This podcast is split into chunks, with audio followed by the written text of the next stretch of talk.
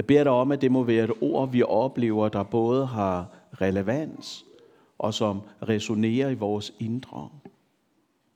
Jesus, jeg beder dig om, at det, der skal samle os nu, må være noget, der er fyldt med liv fra dig. Og Jesus, du ser, at der er jo ikke nogen af os, der er kommet herinde fra et vakuum. Vi har alle sammen båret noget med os. Der er ting, vi er fyldt af. Ting, der præger. Ting, der tynger. Noget, der larmer. Noget, der støjer. Der kan være så meget, der gør her lige nu, at det kan være svært at høre, hvad det er, du har at sige og tage imod det, du vil give os. Så jeg beder dig om, Helion, at du må være her med al din magt og med al din styrke, så vi får lov til at erfare, at vi er sammen med Herren. Amen. Se, øh, det der er prædiketeksten til i dag, det er fra Johannes evangeliet kapitel 1, vers 35 til øh, 51. Og det er, øh, det er der, hvor Jesus han, øh, han kalder nogle af de første disciple. Og øh, vi vil rejse os op, og så vil vi høre i Jesu navn, hvad det er, der står. Og der står sådan her. Næste dag stod Johannes der igen med to af sine disciple. Han ser Jesus komme gående og siger, se, der er Guds lam. De to disciple hørte, hvad han sagde, og fulgte efter Jesus. Da Jesus vendte sig om og så dem følge efter, sagde han, hvad vil I? De svarede, Rabbi, hvor bor du? Rabbi betyder mester. Han sagde til dem, kom og se. De gik med og så, hvor han boede, og blev hos ham den dag. Det var ved den tiende time, altså klokken 4 om eftermiddagen. Andreas, Simon Peters bror, var den første af de to, som havde hørt, hvad Johannes sagde, og var fulgt efter Jesus. Først møder han sin bror Simon og siger til ham, vi har mødt Messias. Det betyder Kristus, den salvede. Han tog ham med hen til Jesus. Da Jesus så ham, sagde han, du er Simon Johannes' søn. Du skal kaldes Kefas. Det er det samme som Peter. Næste dag vil han tage til Galilea og møder Filip. Jesus siger til ham, følg mig. Filip var fra Bethsaida, den samme by som Andreas og Peter. Filip møder Nathanael og siger til ham, ham som Moses har skrevet om i loven, og lige så profeterne, ham har vi mødt. Jesus, Josefs søn fra Nazareth.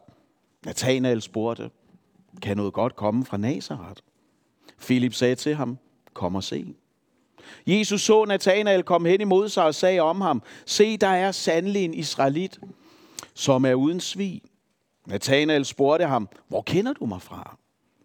Jesus svarede ham, jeg så dig før Filip kaldte på dig, mens du var under fintræet. Nathanael udbrød, Rabbi, du er Guds søn, du er Israels konge. Jesus sagde til ham, tror du, fordi jeg sagde til dig, at jeg så dig under fintræet, du skal få større ting at se end det? Og han sagde til ham, sandelig, sandelig siger jeg jer, I skal se himlen åben, og Guds engle stige op og stige ned over menneskesønnen. Det er Guds ord. Amen. Værsgo og sid nede. Ja. Se, øh, nu ved jeg ikke, hvordan I som øh, sidder her har det med jægerkorpset, om det er noget, I gør det i sådan. Jeg tænker, nogle af os har jo svært nok ved bare at komme ind i frelsen, se og klare de krav, der er der sådan, ikke også? Men altså, når vi snakker jægersoldater, så snakker vi jo altså nogle af de bedste soldater i Danmark. Og de her folk, de har jo fået et næsten mytisk skær over sig. Fordi de er udvalgte. De er noget særlige. De er hårde. Så da B.S. Christiansen for en del år siden udgav en bog, så var det en bog, som mange, der ellers normalt aldrig læser bøger, så fik de så faktisk stavet igennem den. Hvor mange herinde har læst B.S. Christiansens bog? Ja, der var nogen sådan, ikke også? Og se, en af grundene til, der er sådan en æresfrygt omkring jægerkorpset, det er fordi, vi har faktisk set lidt af det på tv, hvad det er, de skal gå igennem for at blive optaget. Vi har set deres kampe, vi har set deres pinsler, og vi har set, hvad det er for nogle umenneskelige krav, der bliver stillet til dem. Og vi ved, at selvom de måske starter 50 eller 100, eller hvad ved jeg, så er der måske kun en eller to, der kommer igennem. Nøglehullet, det er ekstremt snævert. Resten, de bliver sorteret fra, fordi de har ikke det, der skal til. Og ind i en evalueringskultur, ind i en præstationskultur som vores, hvor vi jo kollektivt har besluttet at se op til dem, der er de hårdeste, de sejeste, de mest sunde, de succesfulde, de bedst klædte, der kommer Jesus jo i dag og slår fuldstændig bak på vores idealer. For som vi lige har læst her i Johannes evangeliet, så udvælger Jesus jo ikke sine disciple efter måneds lang træning og minutiøs udvælgelse. Og det udpensles for os endnu en gang, tror jeg, at der ikke er noget åndeligt gennemsnit eller adgangskrav for at følge med Jesus. Du skal ikke bestå noget for at få lov til at være sammen med ham. Fordi dem, som Jesus han vælger som disciple, de var ikke supermennesker før kaldet, og de var heller ikke supermennesker efter kaldet. Fordi hvis vi ser på sådan en holdopstilling her, sådan af discipleholdet, ikke også? Så kigger vi, og så kan vi jo godt se, der er, øh, der, der er nogen, der har en glorie, så kan man spekulere på, hvem det er, der ikke har en derovre, sådan, ikke også? Men hvis vi ellers sådan lige tager vores røntgensyn på, hvem er det så, vi ser? Der er jo en landsforræder. Der er, en, der er hisipropper. Der var egoister. Der var skeptikere. Og Jesus han fuldtes med dem alle sammen. De blev ikke sorteret fra. De blev ikke fundet for lette. Men de fik lov til at vandre med ham, ligesom vi i dag får lov til at følges med ham. Og når vi starter her i dag, så er det, fordi jeg gerne vil sige noget om troens adgang til Jesus. Og for at understrege, at det her med at drive mission, det er ikke en specialoperation, men det er udlevet hverdagsliv. For ja, vi er sendt til verdens ende. Vi er aldrig alene. Og vi er også sendt uden pres om at være succesfulde. Kun trofaste. Og jeg har spekuleret noget på til i dag, hvordan kan jeg dog illustrere det? Og så kom jeg til at tænke på et fyr. For hvad er det et fyr, det gør? Det står og viser vej. Det bliver ikke bedømt, bedømt på, hvor mange har det reddet, men på, at det virker. Så det, jeg gerne vil prøve at udfolde for jer den her formel, det handler noget om, hvordan kan vi blive Andreas kristne. Men inden vi går længere ind i det, så skal vi som altid lige have sat scenen fra vores kontekst. Både det nære, men også det ret fjerne sådan. Fordi den nære kontekst, det er jo, vi er i begyndelsen af Johannes evangeliet. Det afslører kapitel 1 for os sådan, ikke også? Og det er formentlig skrevet omkring år 90, ude på en ø, der hedder Patmos, der ligger lige præcis der, hvor den her ting slutter sådan. For der var Johannes sendt ud, han var landsforvist. Johannes var den eneste disciple, som ikke lider martyrdøden. Og det gør, at vi kan jo faktisk også regne os tilbage, at hvis Johannes har skrevet evangeliet omkring år 90, så har han været ret ung i virkeligheden, da han mødte Jesus. Så har han ikke været særlig gammel. Måske på konfirmandalder. Men her i sin prolog, der er Johannes forklaret, hvordan Jesus var fra begyndelsen. At ordet var kød. Ordet blev kød og tog bolig blandt os. I virkeligheden, som Arne også var lidt inde på i sidste søndag, og jeg sad og tænkte, ej, nu er det ikke gå for langt ind i det, det skal jeg jo sige noget om. Men så står der jo, at han tabernaklede i blandt os. Og tabernaklet, det ved vi godt noget om, for det så vi sammen på ved pinsetid.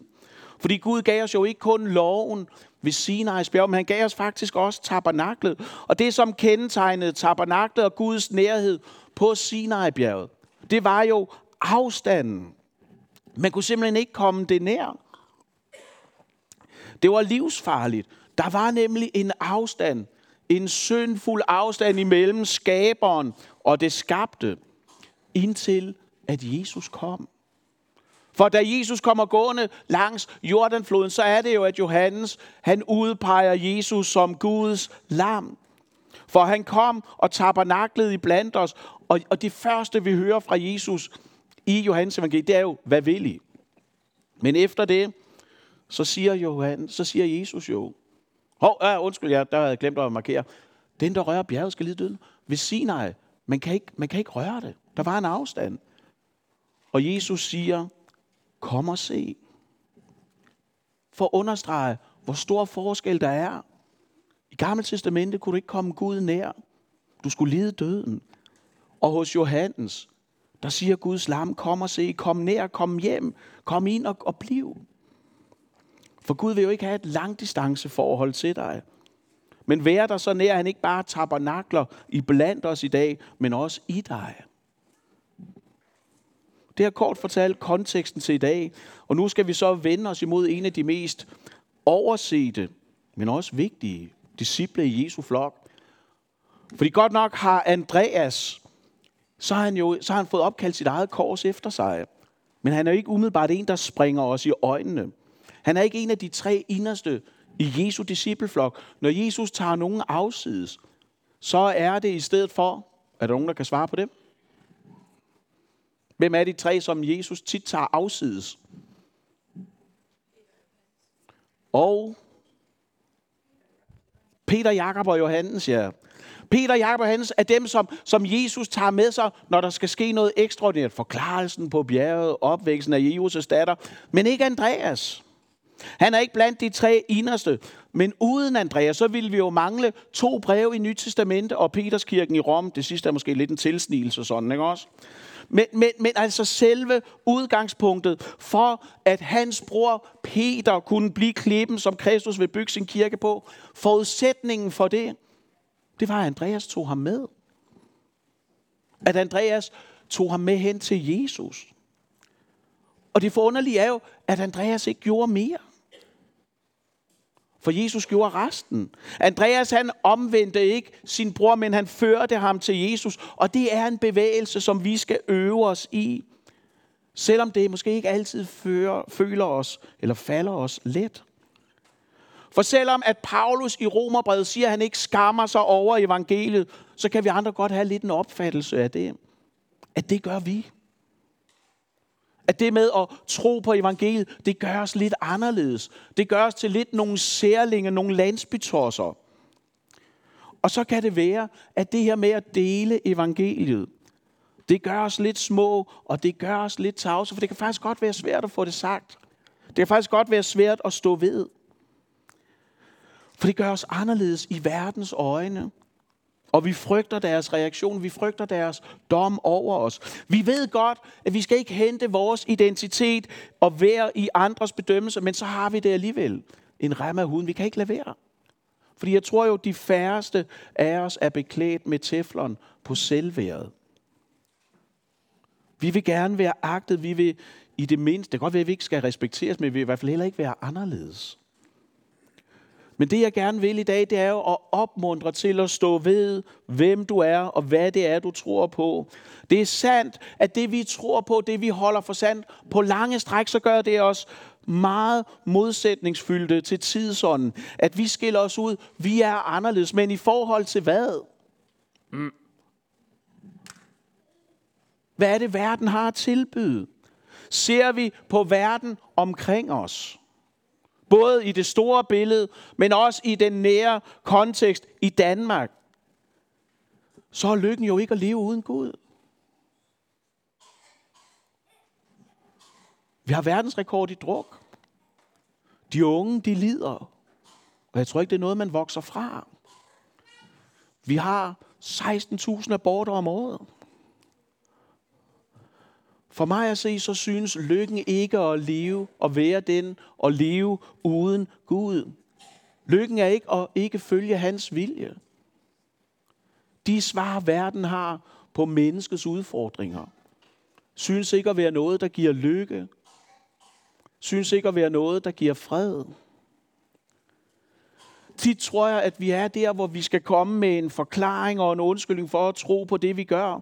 Fordi vi ikke ser, hvor livsforvandlende det kan være, og hvor meget godt vores tro, vores Herre kan give et moderne menneske i 2022. Vi har faktisk noget at komme med, som verden har brug for, men som den ikke ved, den har brug for. Og derfor er det så godt, at vi kan få lov til at zoome ind på Andreas den her formiddag. Manden, som jo synes at være i konstant bevægelse med at bringe mennesker til Jesus. Vi kan læse om det i kapitel 7, hvor han fører nogle jøder til Jesus. Vi kan høre om det er også ham, der finder den her lille dreng med de to fisk og fem brød. Og hvordan startede det for ham? Hvad var Andreas' begyndelse? Jo, det har vi jo lige læst.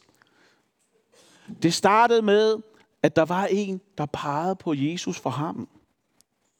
Disciple, Det er ikke sådan nogle superkristne. Det er ikke sådan nogle åndelige superhelte. Men det er mennesker, der er blevet peget i retning af Jesus. Og som gør det samme for andre. I mødet med Jesus, der nedlagde Johannes sig selv. Men ikke før han havde sikret sig, at hans disciple, at dem han havde lov til at tale ind i sit liv, forstod, hvem Jesus var, og hvorfor de nu skulle følge ham. Fordi han pegede på ham, og Andreas forstod. Det han gjorde, det var at tage imod invitationen om at komme og se. For nogle uger siden, så prædikede jeg, da jeg var her sidste gang, om vores behov for at sige til Jesus, kom og se. Træd ind i min sorg, Jesus, og vær mig nær. Og nu er rollerne byttet om. Nu er det Jesus, der siger, kom, kom med. Kom og se mig. Og det Andreas forandrede, eller det han så, det forandrede, og det forvandlede alt for ham. Og derfor er det, at vi også kan lære noget af Andreas om at drive mission i dag. For at drive mission i dag, det er ikke at gøre alt selv, men det er at være rejseleder. Det er at være en, der peger. Det er at sige til de mennesker, som vi kender og som vi er sat iblandt, kom og se. Det er at følges med dem til Kristus. For i det nærvær, i det møde mellem Kristus og et menneske, der sker noget. Fra Johannes siger, at Jesus er Guds lam til Andreas, fortæller Peter, at de har mødt Messias. Der er der sket noget. Og vi hører ikke om det i detaljer, men vi forstår godt essensen af det. Andreas han har nemlig forstået, at Jesus han er skriftens centrum og opfyldelse. Og selvom Jesus siger, kom og se, så tror jeg, at det Johannes, eller tror jeg, det Andreas primært har set med, det er ørerne. Det var kommet til ham gennem ørerne, for vi ved, siger Paulus, tro kommer af det, der høres. Og det betyder også, at vi, der ikke kan se Jesus med det fysiske øje, vi er ikke sat bagud. Også i dag kan vi lytte til ham og hans ord. Det kan vi gøre gennem Bibelen, gennem forkyndelse, gennem lovsang, gennem bøn og andres vidnesbyrd. Det er derfor, det er så vigtigt, at vi er menigheden med de larmende bibler. Fordi vi vil gerne være mennesker, der lytter til Gud, ikke overfladisk. Ikke bare sporadisk, men grundigt sådan at vi gemmer hans ord i vores hjerte og vores sind, så vi får lov til at grunde over dem, så de kan være retningsgivende og normgivende for os ind i en sekulariseret samtid som vores i 2022. Og derfor så kommer der lige en tur på en kæphest nu, som jeg har taget øh, tilløb til længe, men måske har manglet ordene til. Fordi det har ikke været nogen hemmelighed, at noget af det, der har fyldt for mig i efteråret, det er det her med, som vi læste i dommerbogen, at der var en hel generation, der var en hel slægt, der gik til Herren, uden at de kendte til Herrens velgærninger. Der var sket, simpelthen sket et kæmpe frafald, en kæmpe sekularisering på bare et slægtled. Og det har givet mig en forskrækkelse, og det har givet mig en beskindelse, besindelse. Så det jeg gerne vil sige, det er følgende, og det er måske lidt skarpt, men så kan I jo tæve mig bagefter sådan, ikke også? Hvis gudstjenesten og deltagelsen i den ikke er en nødvendighed, men kun en mulighed, så tror jeg simpelthen, vi prioriterer forkert. Hvis gudstjenesten ikke er en nødvendighed, men kun en mulighed, så tror jeg, vi er slået ind på en vej, der er forkert. Jeg taler ikke om mødepligt for at gøre ledelsen glad, fordi at vi sidder med en lille sort bog. For jeg har stor forståelse for, at vi er et sted, folk er flyttet til. Og det betyder, at når der er familieting, så er man andre steder. Og sygdom, det er vi ikke herre over. Og der er ikke nogen regler uden undtagelser. Og man, man kan sikkert tage alle mulige flere forbehold. Det gider jeg bare ikke nu. Jeg vil bare gerne sige, der hvor du reducerer nødvendigheden til en mulighed, så tror jeg, vi er slået ind på en forkert vej. For det, som mulighed er nabo til, det tror jeg er unødvendigheden og overflødigheden.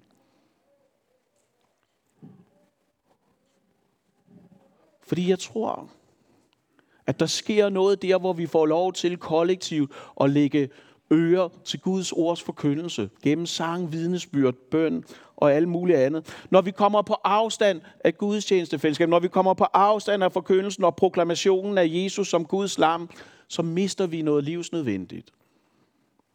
Og derfor så må gudstjenesten ikke bare være en mulighed, men en nødvendighed. Og det skal ikke være på grund af et ydre pres, men det skal være på grund af en indre længsel. For det er gennem vores ører, at vi ser, hvem Jesus han er.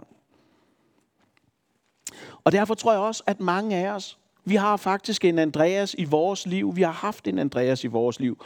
En, som viste dig Jesus, og som tog dig med hen til ham. Måske gennem børneklub eller lejr, eller måske først senere i livet.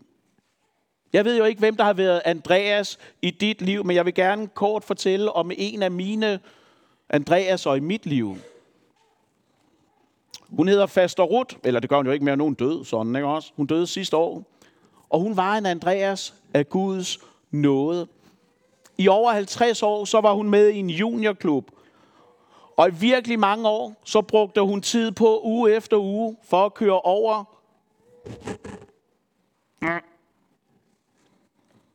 og over til Lolland for at være med i en juniorklub i noget, der hedder Krønge. Hvor mange af jer ved, hvor Krønge det ligger? Det gør Peter. Så kender du også Krøngekaj. Ja, det gør jeg ikke mere jo.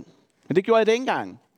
Men der var en dame, som langt op i sine 70'er startede sin lille Fiat 127 og kørte fra Nykøbing, Østersøens sande perle, til Krønge midt over på Lolland. Fordi der var noget, der skulle ud. Der var noget, der skulle deles. Og jeg aner ikke, hvor Krøngekaj og alle de andre er i dag. Men måske skal vi en dag se dem foran tronen. Fordi der var en, der investerede i dem. Der var en, der brugte tid på at pege på Jesus, for at de måtte høre, for at de måtte forstå. Hun havde mødt noget, som måtte gives videre. Og hun har præget generationer nede på Falster. Hun var en Andreas i mit liv. Jeg ved ikke, hvem der er en Andreas i dit liv, eller hvem der er det i dit barns liv. Men jeg synes, i dag er en rigtig god dag til at sige Gud tak for dem. Og hvis de lever endnu, så overvej, om du ikke efter den her gudstjeneste skal sige tak for det, som de har betydet åndeligt for dig. For det, de investerede i dig.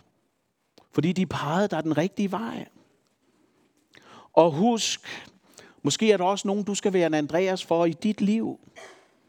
Og, og vi beder jo gerne med.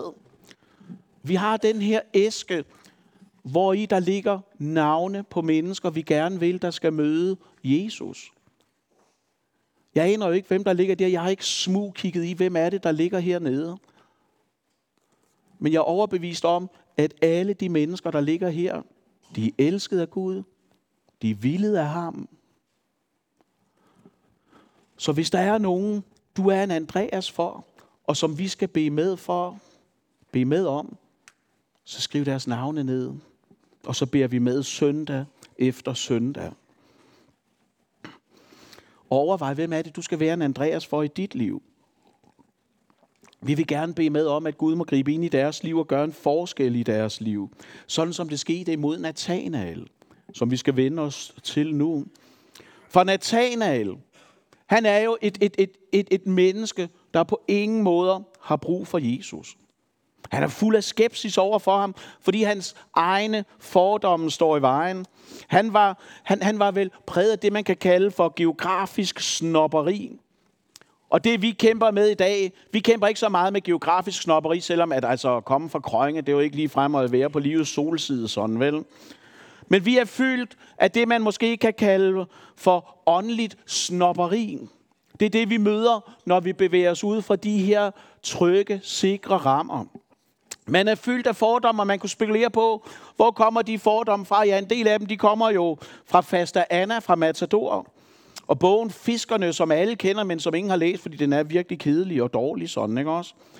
Og altså, jeg må gerne, jeg vil indrømme, jeg er jo ikke sådan, altså jeg har jo ikke en Ph.D. i Matador sådan vel. Så jeg var faktisk nødt til undervejs i forberedelsen, at slå op, okay, var det Faster Anna eller Moster Anna? Vidste de godt det? Vidste de godt, det var Faster Anna? Ja, ah, okay. Nå, men øh, altså i min søgen hos Google efter, så fandt jeg over, for at finde svaret, så fandt jeg over noget, der hedder Matador Online. Altså, det er sådan en slags Wikipedia om Matador. Der er simpelthen nogen, der har haft så meget fritid, de har lavet Wikipedia over Matador og sådan, ikke også? matadoronline.dk. Og der kan man jo blandt andet slå samtlige karakterer op. Og så var der jo også en karakteristik af faster Anna.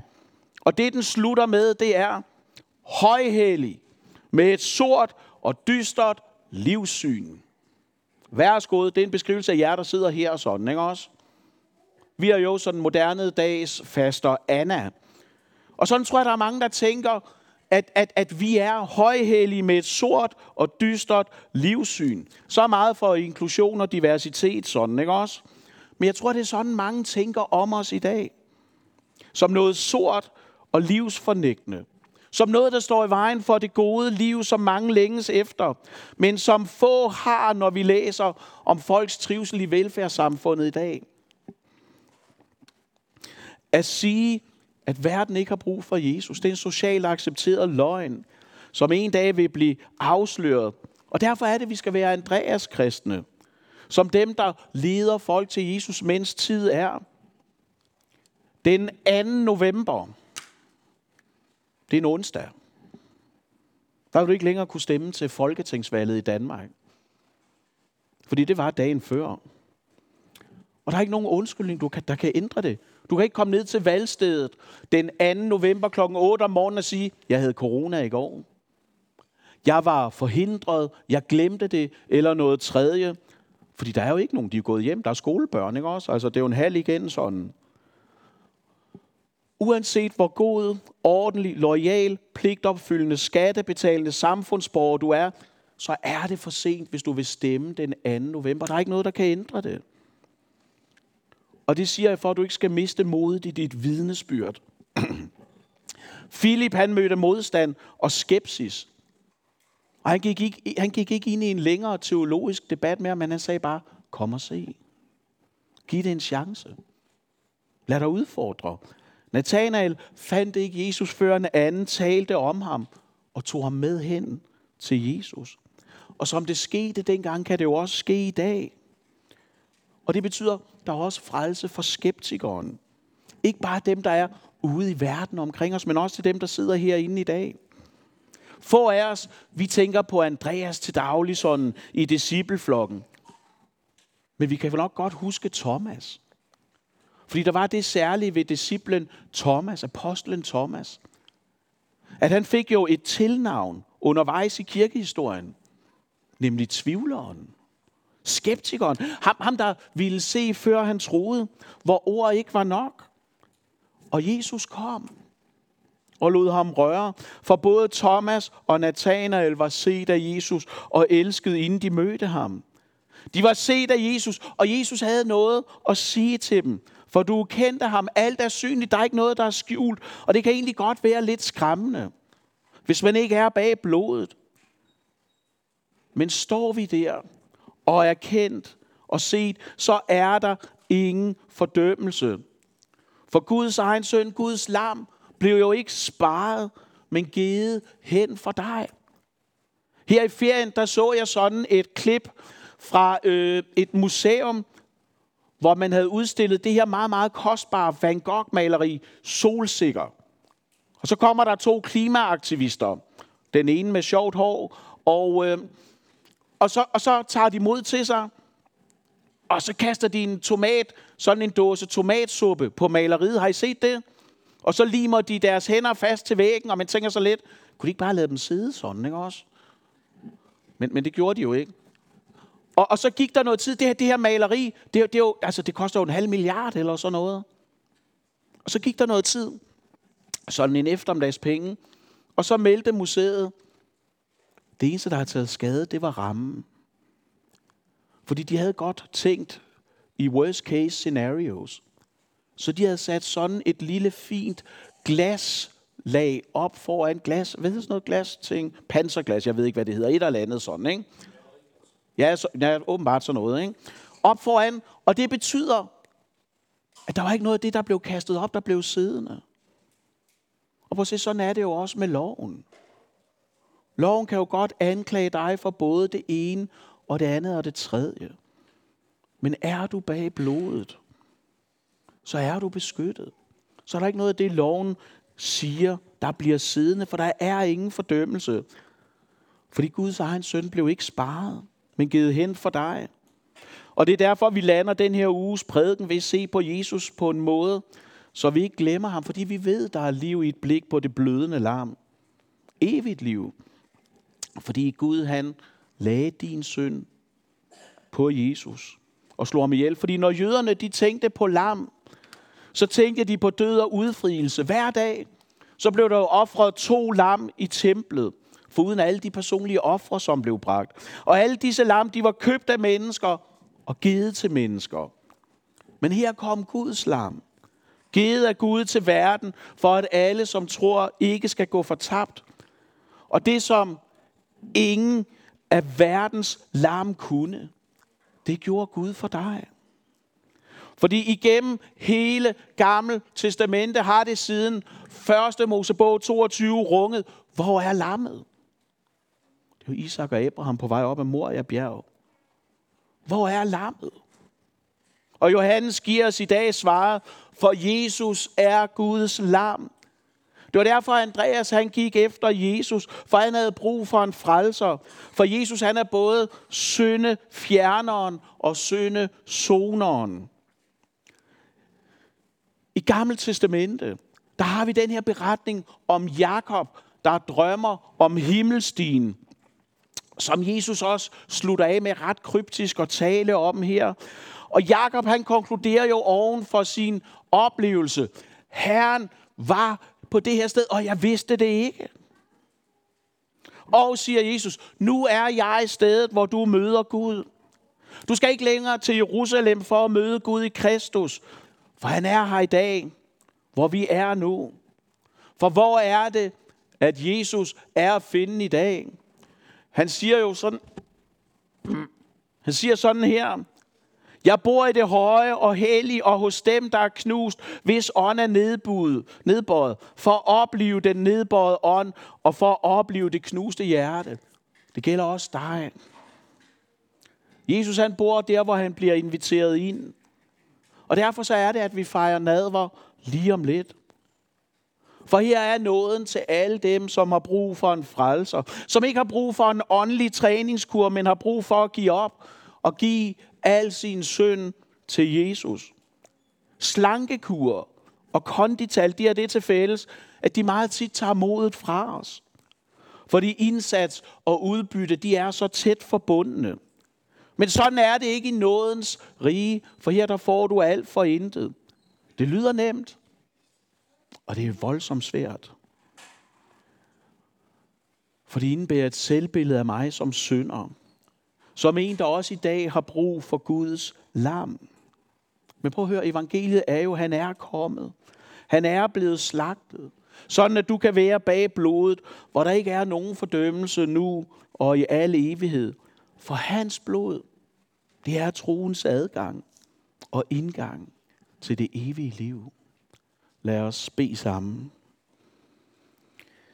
Kære Gud, jeg beder dig sådan om, at vi må være Andreas kristne for mennesker i vores hverdag. Og Jesus, vi bekender for dig, at vi meget nemt og meget tit kan skamme os over evangeliet. Tak for, at du ikke skammer dig over os. Jeg beder dig om, at du må udruste os med din ånd, så vi kan få lov til at være mennesker, der peger på dig. Så det bliver til evigt liv og evig forandring. Kom og vær os nær, Herre. Amen.